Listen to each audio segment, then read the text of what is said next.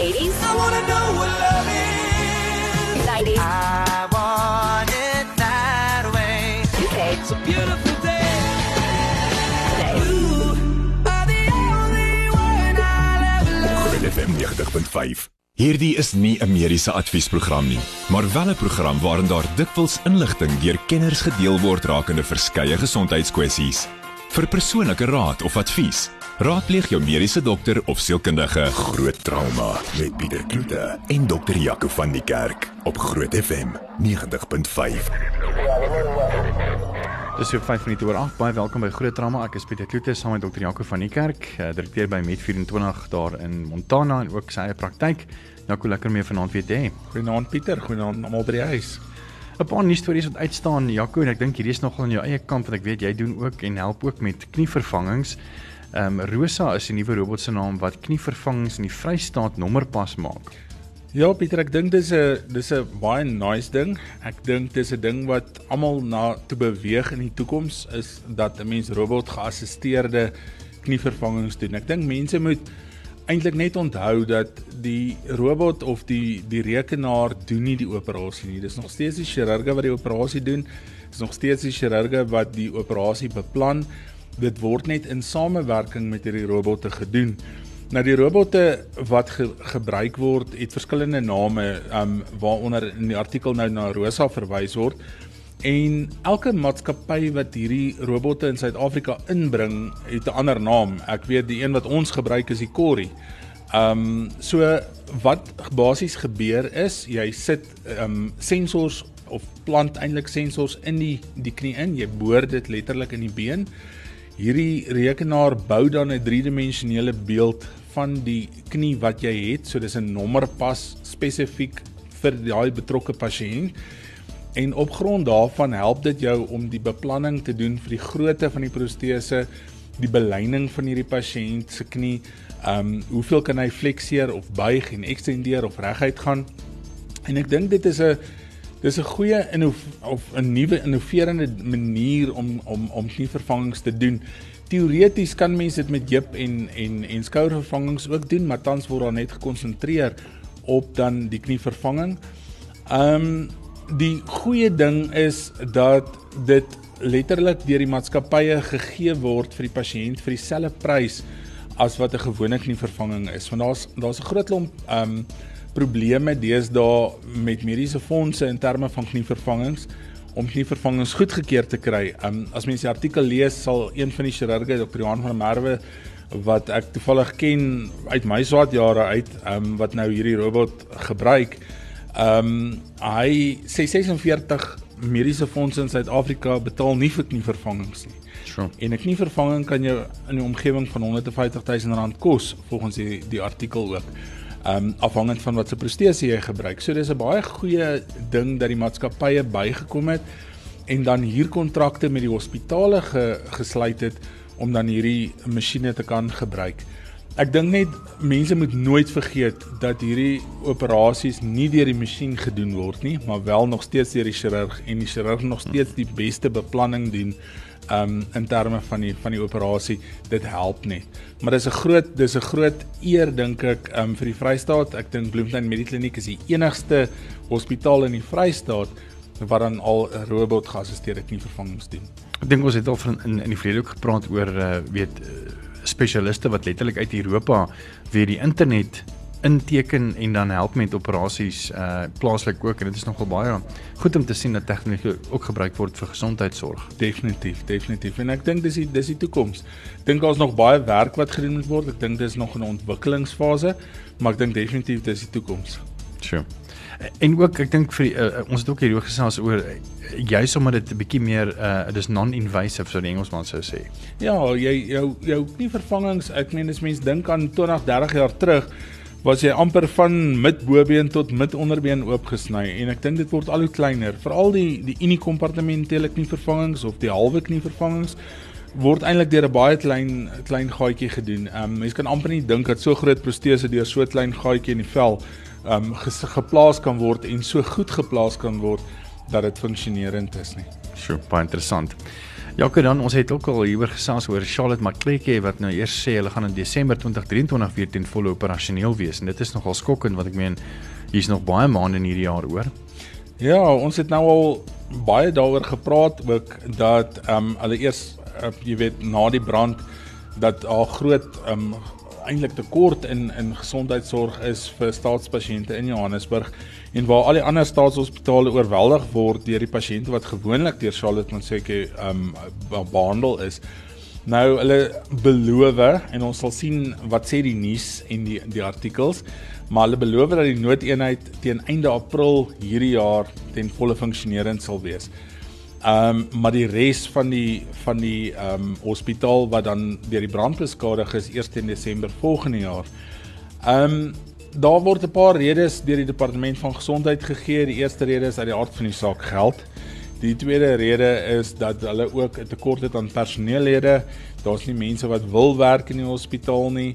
Ehm um, daar is as gevolg van die brand en die herstelproses na die brand is daar groot probleem met ehm um, parkering, simpel ding soos parkering sure. by die hospitaal. So 'n klomp van die personeellede moet na ure in die donker na hulle voertuig te loop wat in die straat parkeer is mm. en daar's dan uit die aard van die saak al gevalle gewees waar personeel op pad na hulle voertuie beroof is. Sure. En dan word mense uit die aard van die saak aangeraand en ook dan beseer. So ek dink daar's 'n klomp daar's 'n klomp uitdagings vir vir hierdie hospitaal. Ehm um, dis net sleg om te dink dis nog 'n jaar voordat mm. hulle weer ten volle funksionerend kan wees. Ehm um, en ek kan nie dink dat so groot eintlik akademiese hospitaal ehm um, so lank kan vat om regtig weer 'n diens te gee nie. En mens moet nie vergeet nie is dat hierdie provinsiale hospitaal eintlik maar die rigsteen is vir vir pasiënte in die laer inkomste groepe. Definitief. Ek dink dit dit bedien 'n baie baie groot gedeelte van die van die bevolking of die populasie in daai area. En ehm um, ja, ek kan nie dink hoe hulle die ander hospitale gaan oorweldig tot einde volgende jaar en hoeveel probleme hulle daar nog sien gaan word nie. Dan ook 'n storie wat ons nou al oor gepraat het en dit lyk my dit ontwikkel maar soos dit aangaan in die in die in die komende weke is dat die Oos-Kaapse departement verwag nie enige lewensservies wel hospitaalstaking voordien nie. En hierdie staking is maar te wyte lyk my aan kontrakte wat nie hernie word nie, Jaco. Ja, die kontrakte wat einde Maart um, ten einde loop uh, wat dan nie hernie is nie. Ehm um, wat dan 'n groot probleem is want dis die mense wat wat dan nou staak.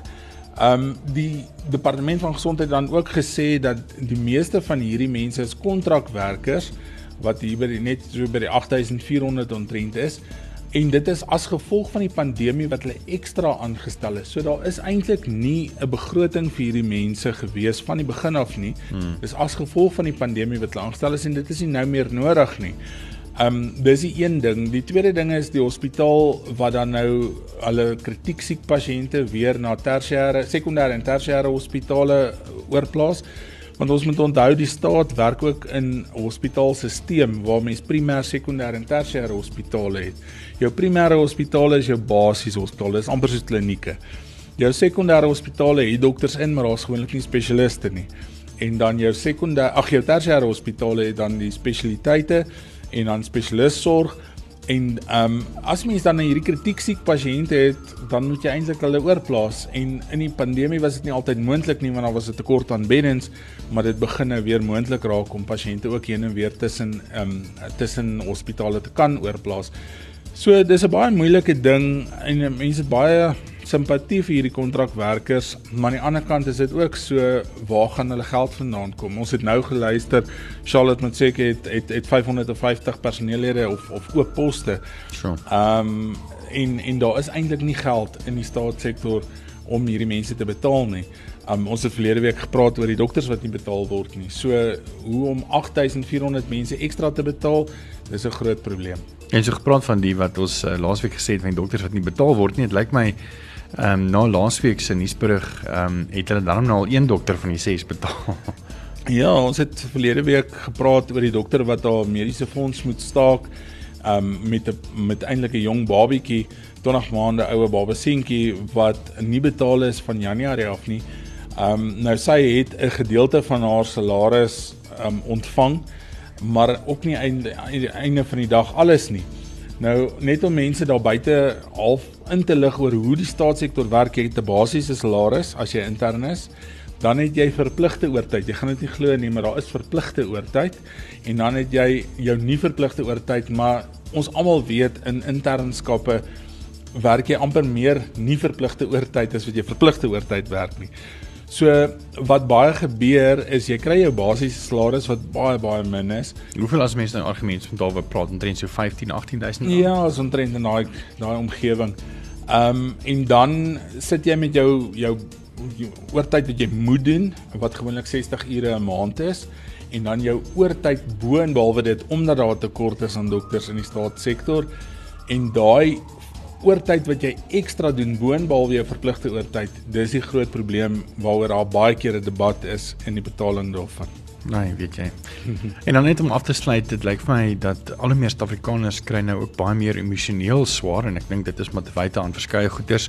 Ek dink dit wat in in ons omgewing aangaan in die wêreld, ek weet as mens kyk na Oekraïne en Rusland se oorlog, ehm um, werkskaarste, ek meen ons het iets soos 38 of 35.4% werkloosheid in Suid-Afrika en dan ook COVID-19 wat 'n groot rol gespeel het, Jaco. Ja, ek dink COVID-19 het, het waarskynlik die grootste rol gespeel in terme van werkverlies daar buitekant. Ehm um, verlies van inkomste uit die aard van die saak, lewenskwaliteit wat agteruit gaan, die stresore wat net meer en meer en meer word. En ek dink Suid-Afrika is regtig in die moeilikheid ten opsigte van van sielkundige gesondheid of psigiatriese gesondheid.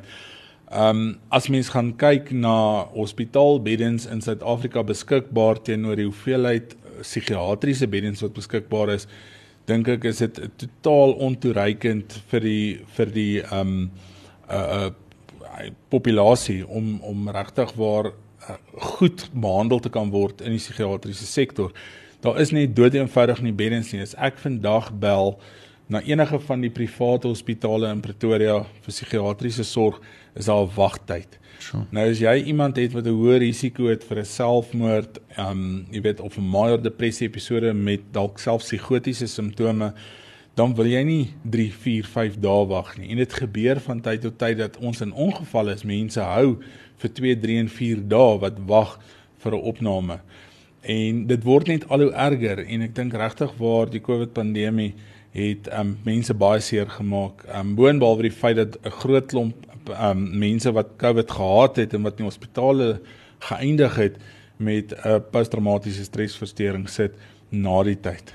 Ek sien ook dat die studie wat hulle gedoen het, uh, dit veral nogal die jong mense raak tussen 18 en 24 en hulle reken dat gemiddeld 44% van alle jong respondente wat aan die peiling deelgeneem het, se geestesgesondheid kan geklassifiseer word as oorstuur of dan ontsteld of in Engels distress wat nogal ehm um, uiteenlopend is en dan ek dink die belangrikste is is dat as jy nie weet mense gaan sien 'n kniedokter vir hulle knie, jy weet, en gaan trauma eenheid toe weens 'n trauma weet 'n uh, miskien ook 'n vinger gesny of so iets, maar mense gaan nie noodwendig vir mense geestestoestand na 'n dokter toe nie. En ek weet nie hoekom dit so is nie. Ek meen jy gaan ons want jy siek, jy weet. Ja, die ek dink daar's 'n groot um eintlik half stigma nog aan psigiatriese siektes en ek weet nie hoekom dit is nie en ek dink dis 'n dis 'n ding van ons Suid-Afrikaanse bevolking veral. Um as iemand praat van ek is depressief of ek sukkel met um bipolêre gemoedstoornis of wat ook al die geval mag wees, dan kyk mense snaaks na jou. Mm. Um as jy na 'n psigiatriese hospitaal toe gaan, dan gaan jy mos nou malhuis toe volgens party mense. Mm. En ek dink daai hele persepsie moet verander en voor daai persepsie nie verander nie, gaan na 'n groot probleem wees in terme van van mense wat hulp soek. Um mense praat baie maklik oor hulle hoë bloeddruk en hulle diabetes. Mm. Nie skaam daaroor nie, maar hulle hulle praat nie oor hulle depressie en hoe hulle voel nie. So ja, as jy voel jy's jy's nie lekker nie en jy moet iemand gaan sien, gaan doen dit. Weet, gaan sien 'n sielkundige. Ons net nou weer terug en ons gaan 'n bietjie gesels oor opleiding in die mediese sektor.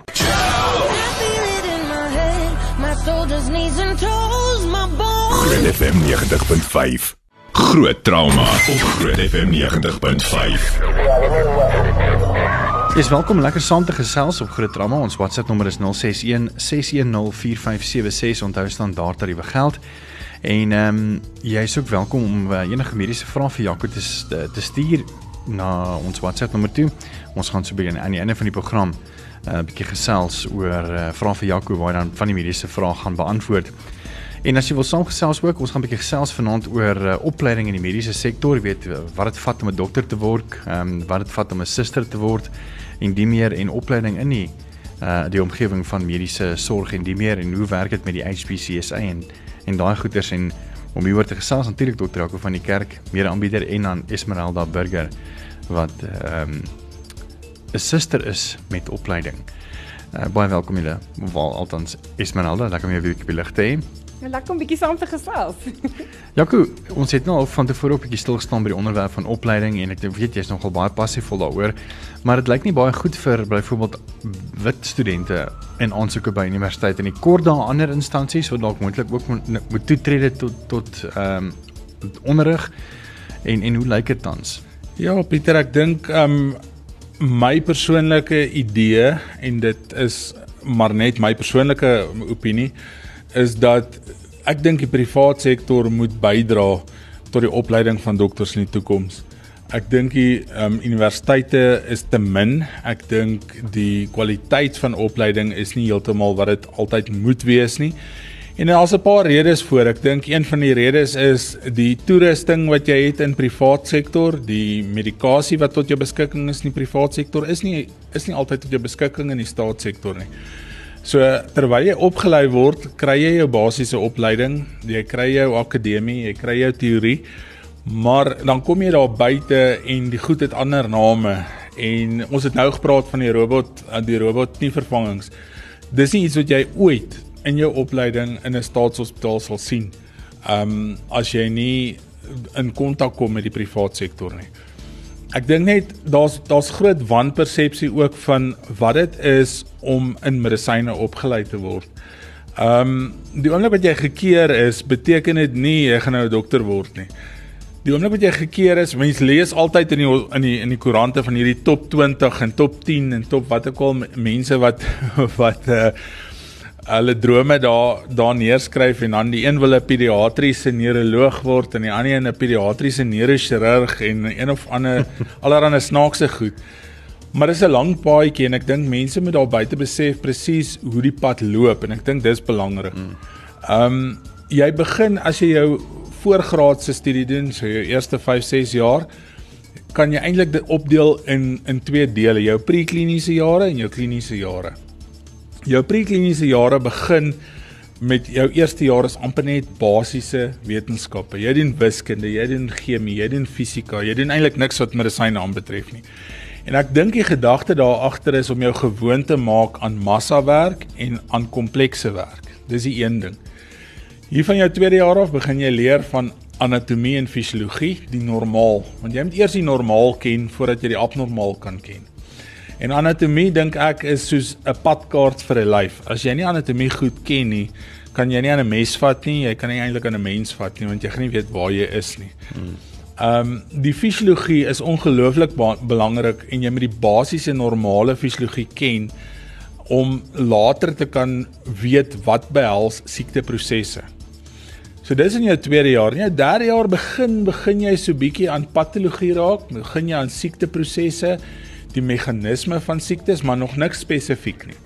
Jy doen chemiese patologie, so die chemie agter die metabolisme van die mens en ehm um, jy doen nog steeds baie van jou anatomie en fisiologiese ehm um, studies. Jy begin begin so raak aan medisyne, maar ook net aan die groot groepe van medisyne wat bestaan en hoe dit min of meer werk chemies. Dan in jou kliniese jare begin jy met letterlik pasiëntsorg en pasiëntopleiding. En ek dink dis eers waar jy 'n groot verskil sien. Mense hoor baie keer mense sê hulle 3, 4 jaar medisyne geswat en toe opgehou. En dis eers waar hulle agterkom hulle is daar vir mense en om mense te sien of nie. Van die eerste 3 jaar is lekker, is akademies en dis lekker en dis baie interessant. Maar dan begin jy met jou goed so chirurgie en patologie en urologie en interne geneeskunde, obstetrie en ginekologie En mense daar buite weet nie altyd wat weet 'n algemene praktisyn daar buite nie. 'n Algemene praktisyn het tot op 6 jaar vlak al die vakke van die spesialisgroepe tot 'n 6 jaar vlak. So jy het neurochirurgie, jy het dermatologie, jy het oorneus en keel gedoen, jy het thorax gedoen, jy het interne geneeskunde gedoen, jy het algemene chirurgie, urologie, ortopedie, noem dit en jy het dit gedoen. Maar Ehm, mens moet seker dan nie misverstaan dat 'n 'n GP dan 'n kenner is in daai veld nie, Nee, maar dis net basiese. basiese kennis daarvan. So jou basiese kennis ten opsigte van van die diagnose, jou simptome en jou tekens. Jou simptome is dit wat die pasiënt vir jou gaan vertel en die tekens is dit wat jy gaan soek. Wat se spesiale ondersoeke om om aan te vra? Jou basiese basiese siekteprosesse in elke spesialisgroep gaan die algemene praktisyn self kan hanteer. En dan as dit dan redelik gevorderde siekteprosesse is, behoort hy dit te kan diagnoseer ook en dan jou toepaslik verwys. Um maar ja, dit is dis jou eerste 6 jaar van opleiding. Daarna as jy daar uitstap, dan jy nou 'n graad en ek sê altyd my grootste oog of eye opener was die dag toe ek 'n intern was en die eerste dag by chirurgie ingestap het as 'n intern wat spoed vir chirurgie En ek kom by die pasiënt en jy weet nie dadelik wat moet jy nou maak nie want hierdie pasiënt praat nie lekker met jou nie. Dis nie 'n akademiese opset nie en die, omgewing is heeltemal de mekaar. En dan weet jy, dan begin jy van voor af leer. So die oomblik wat jy klaar is met jou akademiese graad, jy het graad gekry, dan moet jy nog steeds jou internskap en jou gemeenskapsdiensjaar gaan doen. En ek dink daar leer jy baie baie van dit wat jy aan die einde van die dag gaan gebruik. Akademie is goed, maar prakties dink ek is beter. Um jy leer by die ouer konsultante en by die ouer mediese medical officers of um, um mediese dokters wat wat dan al 'n paar jare in die bedryf is, leer jy die fynere kunsies van hierdie van van medisyne praktiseer. Want medisyne bly 'n kuns. Ek dink nie dis net 'n 'n swart en wit um wetenskap nie. Ons almal weet jy weet mense wil graag hê ons moet altyd die antwoord van alles hê en mense het nie. Hmm. Dis die ongelukkige hartseer van die hele storie. Dit bly 'n kuns en 'n mens moet elke dag leer. Ek dink daar's niemand in medisyne wat kan sê hy weet alles van 'n spesifieke rigting nie. Selfs nie eers jou superspesialiste weet daarvan nie.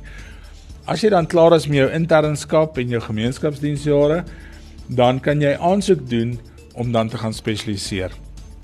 'n Spesialis grade wissel van 4 tot 5 jaar, party selfs meer van jou gewilde um spesialis rigting soos um oftalmologie of boogchirurgie, ortopediese chirurgie moet jy eers 2, 3, 4 jaar as 'n medical officer werk voordat jy kans kry om jou 5 jaar te begin.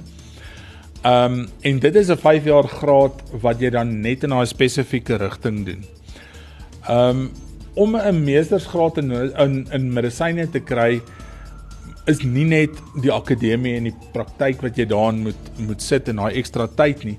Jy moet ook 'n navorsings teses skryf en 'n navorsingsprojek doen waar jy bydra tot medisyne en die die ontwikkeling van medisyne. En ek dink dis waar baie van ons baie moeilik um deur dit kom is dis maklik om die boek te gaan lees, is maklik om die praktyk te doen, maar wat se navorsing gaan jy nou doen? Um en almal wat 'n M het of 'n M graad in in medisyne het, moes daai navorsing gaan doen het. En almal sal vir jou sê dis die moeilikste deel van van van spesialisasie is is om te gaan eers moet jy kyk waaroor gaan jy dit doen en dan moet jy um dit actually doen. Um as jy daarmee klaar is, dan kan jy dan nou registreer as 'n spesialis en jy werk dan net in jou rigting. Maar dan kry jy ook jou super spesialiste. As jy byvoorbeeld 'n kardioloog wil word, dan eind, dan dan begin jy met interne geneeskunde, so jy moet spesialiseer, jy moet jou volledige M.Med in interne geneeskunde doen en jy moet gaan 'n fellowship doen of 'n ekstra tyd doen in kardiologie wat 'n ekstra 2 tot 3 jaar is. So jy kan teoreties maklik 13, 14, 15 jaar gaan spandeer voordat jy aan die einde van die dag 'n spesialis is op 'n spesifieke gebied. En nog steeds is daar elke dag wat jy in 'n teater kom of in 'n hospitaal kom en pasiënte sien wat jy nuwe goed gaan sien, wat jy stories gaan hoor wat jy nog nooit gehoor het nie en wat jy gaan moet leer. So aan die einde van die dag dink ek dis net om in perspektief te sit um 'n redelike lang paadjie en dis nie altyd 'n maklike paadjie nie. Maar alle dokters wat daar buite is, het sy of jy nou kardioloog is of jy algemene praktisyn is of jy ortoped is of wat ook al, het by die basiese begin en het daardeur gewerk en aan die einde van die dag het 'n basiese kennis van alles. En dis die groot verskil tussen ons in Suid-Afrika en byvoorbeeld die Amerikaners wat 'n pre-med doen en hulle doen hulle wetenskap deel en dan besluit hulle hier in die 3de, 4de jaar gaan hulle chirurg word of gaan hulle dermatoloog word of 'n ginekoloog word of wat ook al en dan gaan hulle net dit doen. So as jy in Amerika 'n dokter gaan sien en jy sien 'n kardioloog, gaan hy niks weet van dermatologie nie. Hy gaan niks weet van ortopedie nie. Hy gaan niks weet van enige van die ander spesialiste rigtings nie. Maar waar jy in Suid-Afrika as jy 'n spesialis in 'n gebied sien, dan weet jy ten minste hy het 6 jaar opleiding in al die ander spesialis rigtings ook en hy gaan vir jou baie goeie idee kan gee van die basiese goed van daai gedeeltes ook in medisyne. So dis hoekom Suid-Afrikaanse dokters en ek baie sought after is reg oor die wêreld eintlik. Ja, maar ons kan 'n bietjie daar gesels net hierna. Dis nou tyd vir jou mediese mite minuut. Ons praat nou vanaand oor opleiding en ehm um, soos jy sê, 'n ding wat vir 'n mens baie passievol is. En dis daar's nie 'n mooi Afrikaanse manier om dit te sê nie, maar die, my mite is learning is an individual pursuit en dit is glad nie wat dit is nie, want almal dink altyd as jy leer is dit is dit 'n individuele ehm um, tipe van van situasie. In medisyne veral is dit 'n totaal interafhanklike tipe van leerproses. Jy word geleer deur die mense wat voor jou daardeur is. Jy leer mekaar en jy leer ook in 'n multidissiplinêre span en 'n multidissiplinêre span is byvoorbeeld 'n ortoped gaan nie net alleen 'n knievervanging doen nie. Hy gaan 'n narkotiseer nodig hê om die narkose te doen. Hy gaan 'n internis nodig hê na die tyd as die pasiënt siek is. Hy gaan 'n assistent nodig hê om die goed vas te hou. Jy weet, so aan die einde van die dag ehm um, kan geen dokter alleen werk nie en almal leer by mekaar en elkeen het sy eie plek en dis ook een van die goed wat wat uit Hippokrates se tyd uitkom is een van sy goed is gesê is jy moet eer betoon aan die mense wat voor jou gegaan het en jy moet by hulle gaan leer want hulle het hierdie kuns al vervolmaak wat jy nog moet leer. So learning is never an individual pursuit en ek dink dit is in alle gedeeltes van die lewe die waarheid. My shoulders, knees and toes, my bones. Groot FM 90.5. Groot trauma met Pieter Kloete en dokter Jaco van die Kerk op Groot FM 90.5.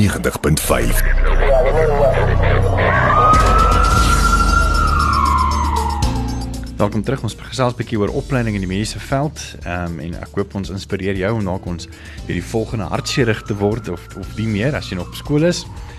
Ehm um, Jaco, ons het vroeër gepraat oor die gesogtheid van Suid-Afrikaanse dokters in die wêreldmark, juis omdat jy so multigedissiplinêre ehm um, velde moet doen, nie net een gespesialiseerde veld maar kom by opleiding en die meer nie.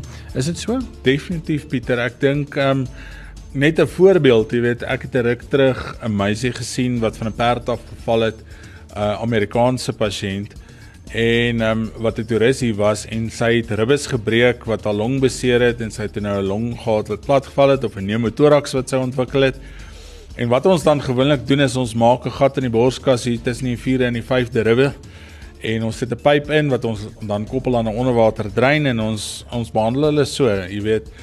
Ehm um, ek wou die pasiënt opneem na die drein ingesit is en dan moet jy met die Amerikaanse owerhede praat wat dan nou die versekerings vir hierdie pasiënte doen. En ehm um, hulle kon nie glo dat iemand wat nie 'n thoraxchirurg is wat spesialiseer op thorax trauma die drein ingesit het nie. Jy weet, hulle hulle thorax chirurge sit ongelooflik min in en hulle is uh, letterlik eintlik selfs nie geoefen om dit te doen nie. En dan as jy vir hulle sê jy het in 'n staatshospitaal opgelei, ek het in Tembisa my gemeens of my internskap gedoen en dan sit jy 10, 11, 12 van daai dreins van messteke en skietwonde 'n nag in. Ehm um, dan wonder jy hoe die res van die wêreld dan leef, jy weet, of is ons regtig so rof?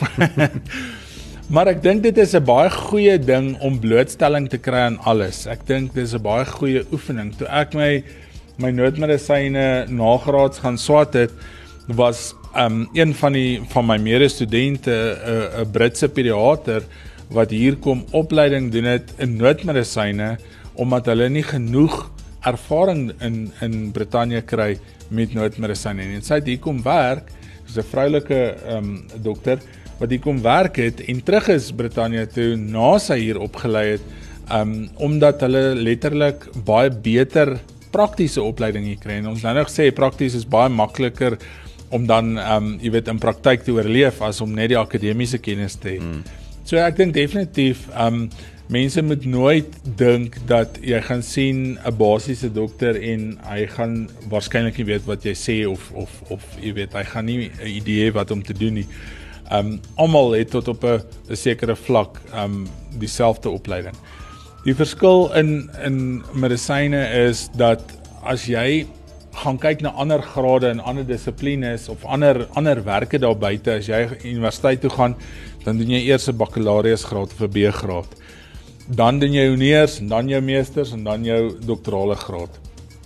As jy medisyne doen en jy het jou MBCLB, tel dit as reeds 'n of 'n honeursgraad vlak in medisyne en dan in alle vlakke van medisyne. Na dit, as jy spesialiseer, is dit 'n M-graad en dan die ouens wat in die akademie gewoonlik bly wat navorsing doen en artikels skryf en nuwe werk wil doen heeltyd, hulle gaan vir vir jou PhD's. Daar's baie min ouens wat in in privaat praktyk is wat PhD's gaan doen.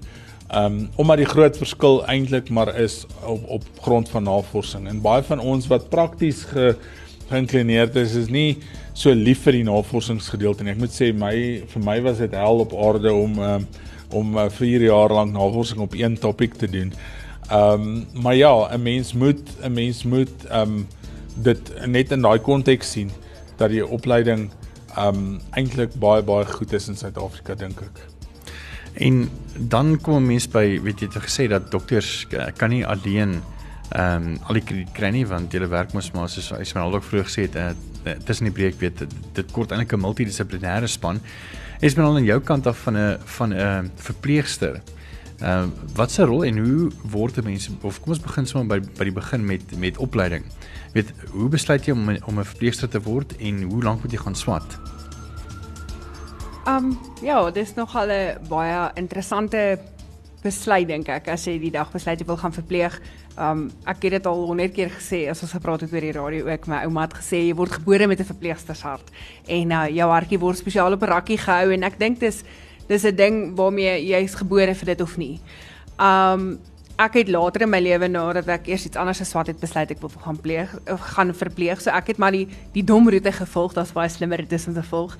Um ek spot net as ek dit sê, dis nie regtig so nie, maar ehm um, jy kan direk as jy as jy na skool besluit jy wil dis wat jy wil gaan doen en dis graag jou jou pad wat jy wil stap, kan jy by die universiteit eh, gaan inskryf en jy gaan doen 'n graad in verpleegkunde en as jy daar klaar geswat is ook 4 jaar waarmee jy saam prakties gaan doen ook in 'n staatshospitaal en jy word geregistreer ook by 'n governing body as ek dit sou kan noem wat dan die Suid-Afrikaanse um, Raad op Verpleegkunde is of die South African Nursing Council En um dan kry jy jy word in met 3 jy, jy het jou algemene verpleegkunde wat dan die maroon epilet voor is wat mens altyd sien by susters, die maroon epilet met wat hulle rondloop en dan op dit sê jy sien daar's altyd 3 balkies.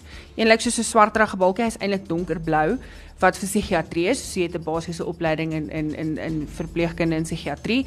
Dan jy ook gemeenskapsdiens wat die geel balkie is wat jy dan doen tydens daai 4 jaar ook en dan het jy ook um 'n uh, kraam wat jy dan ook doen wat die groen balkie is. So jy kan dit so gaan doen en dis eintlik die beste roete om te volg want dan het jy daai ag jy jou jou kwalifikasies net soveel beter.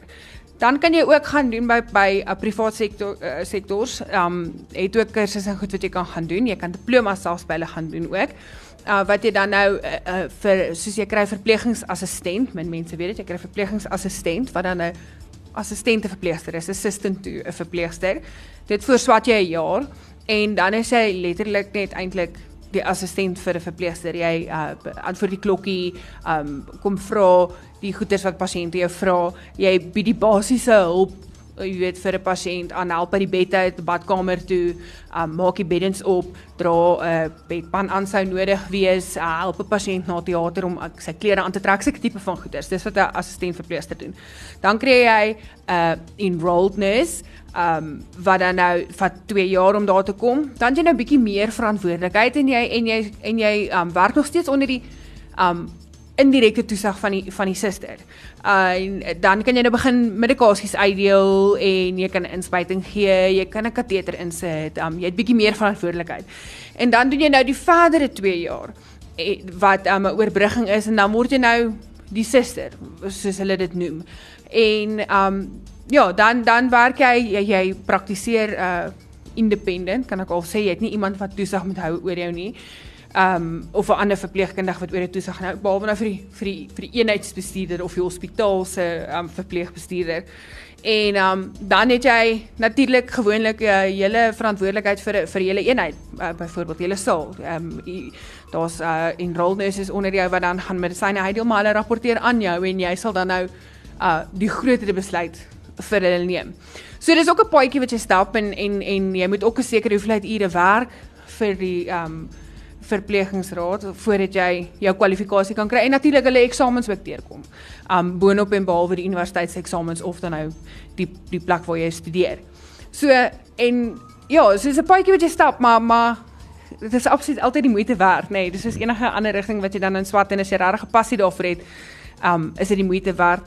En wat dit lekker maak is dit maak jou deel van die multidissiplinêre span en dit maak jou deel van 'n baie groter prentjie. Ek het nou-nou van lig af ook gesê, ek het die eerste keer toe ek 'n geswat het verpleegkunde toe hoor ek hulle sê mens moet 'n holistiese benadering hê tot pasiëntbehandeling.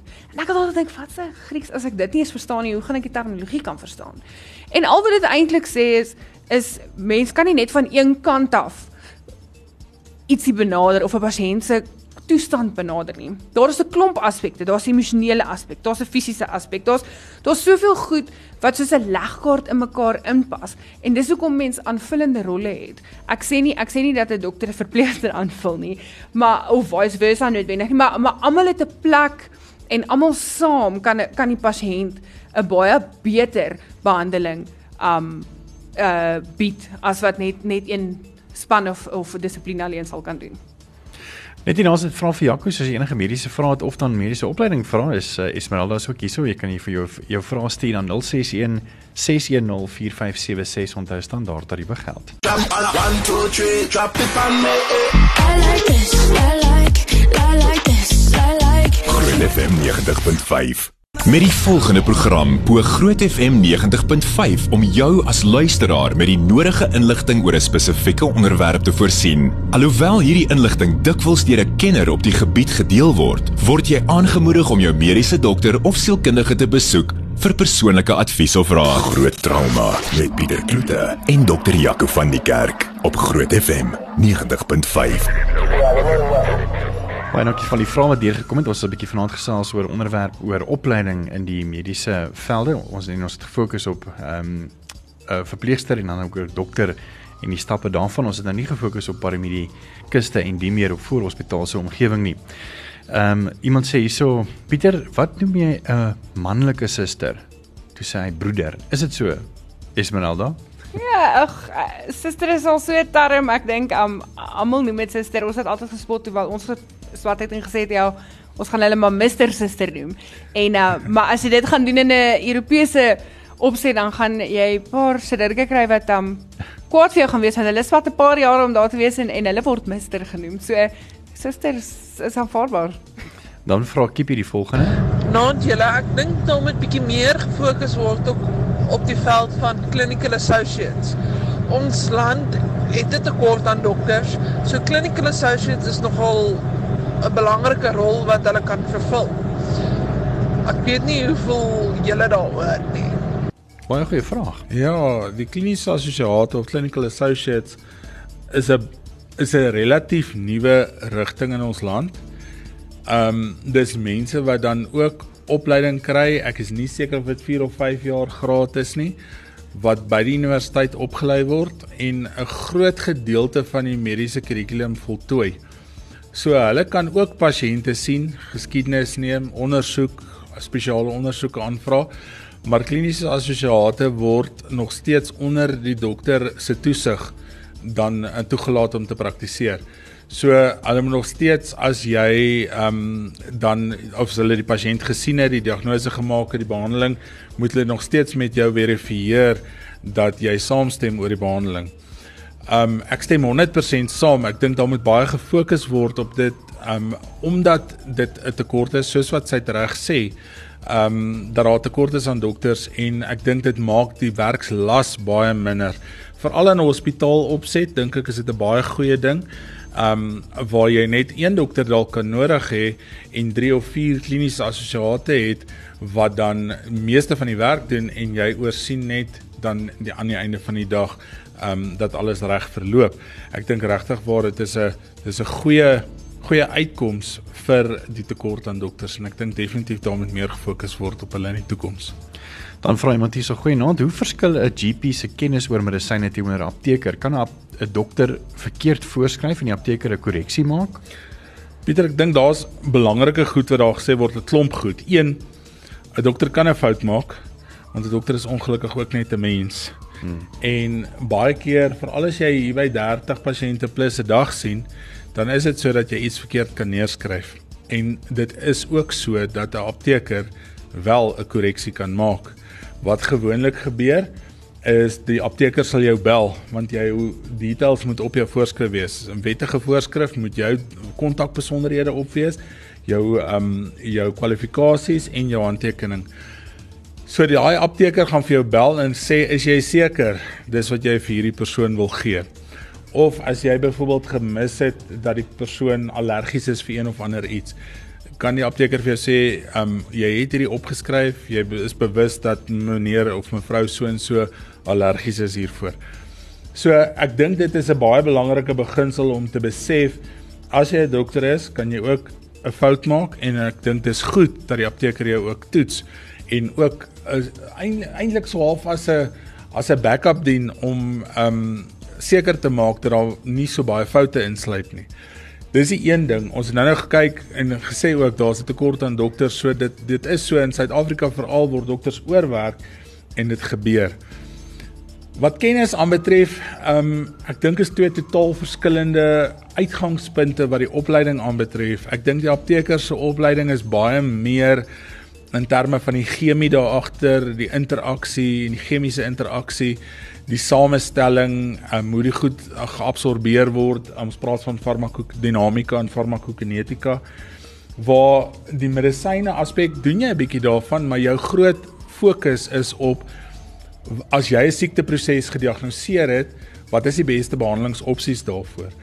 So ek dink die kennis kan vergelyk word. Ek dink um, almal weet eweveel daar in ons land is daar net een MIMS en dis of jy nou die algemene praktisyn is en of jy die super spesialis pediatriese kardiotoraks chirurg is wat net op een hartklep werk, daai mims bly dieselfde vir almal.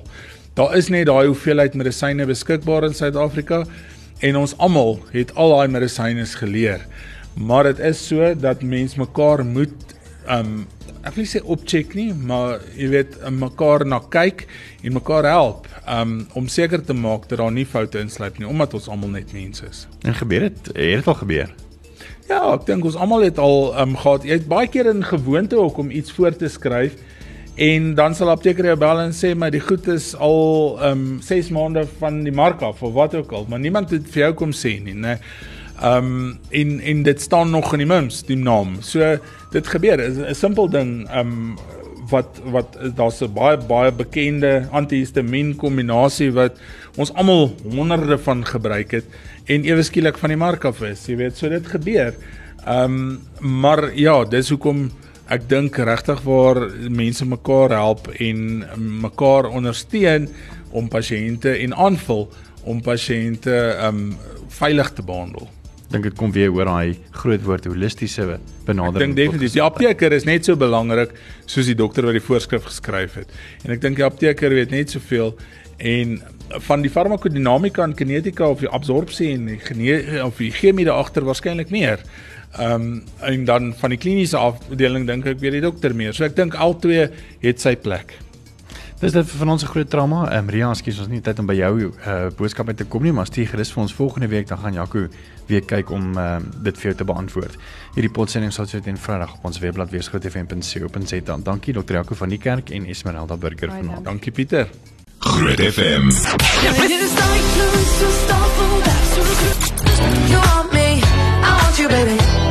90.5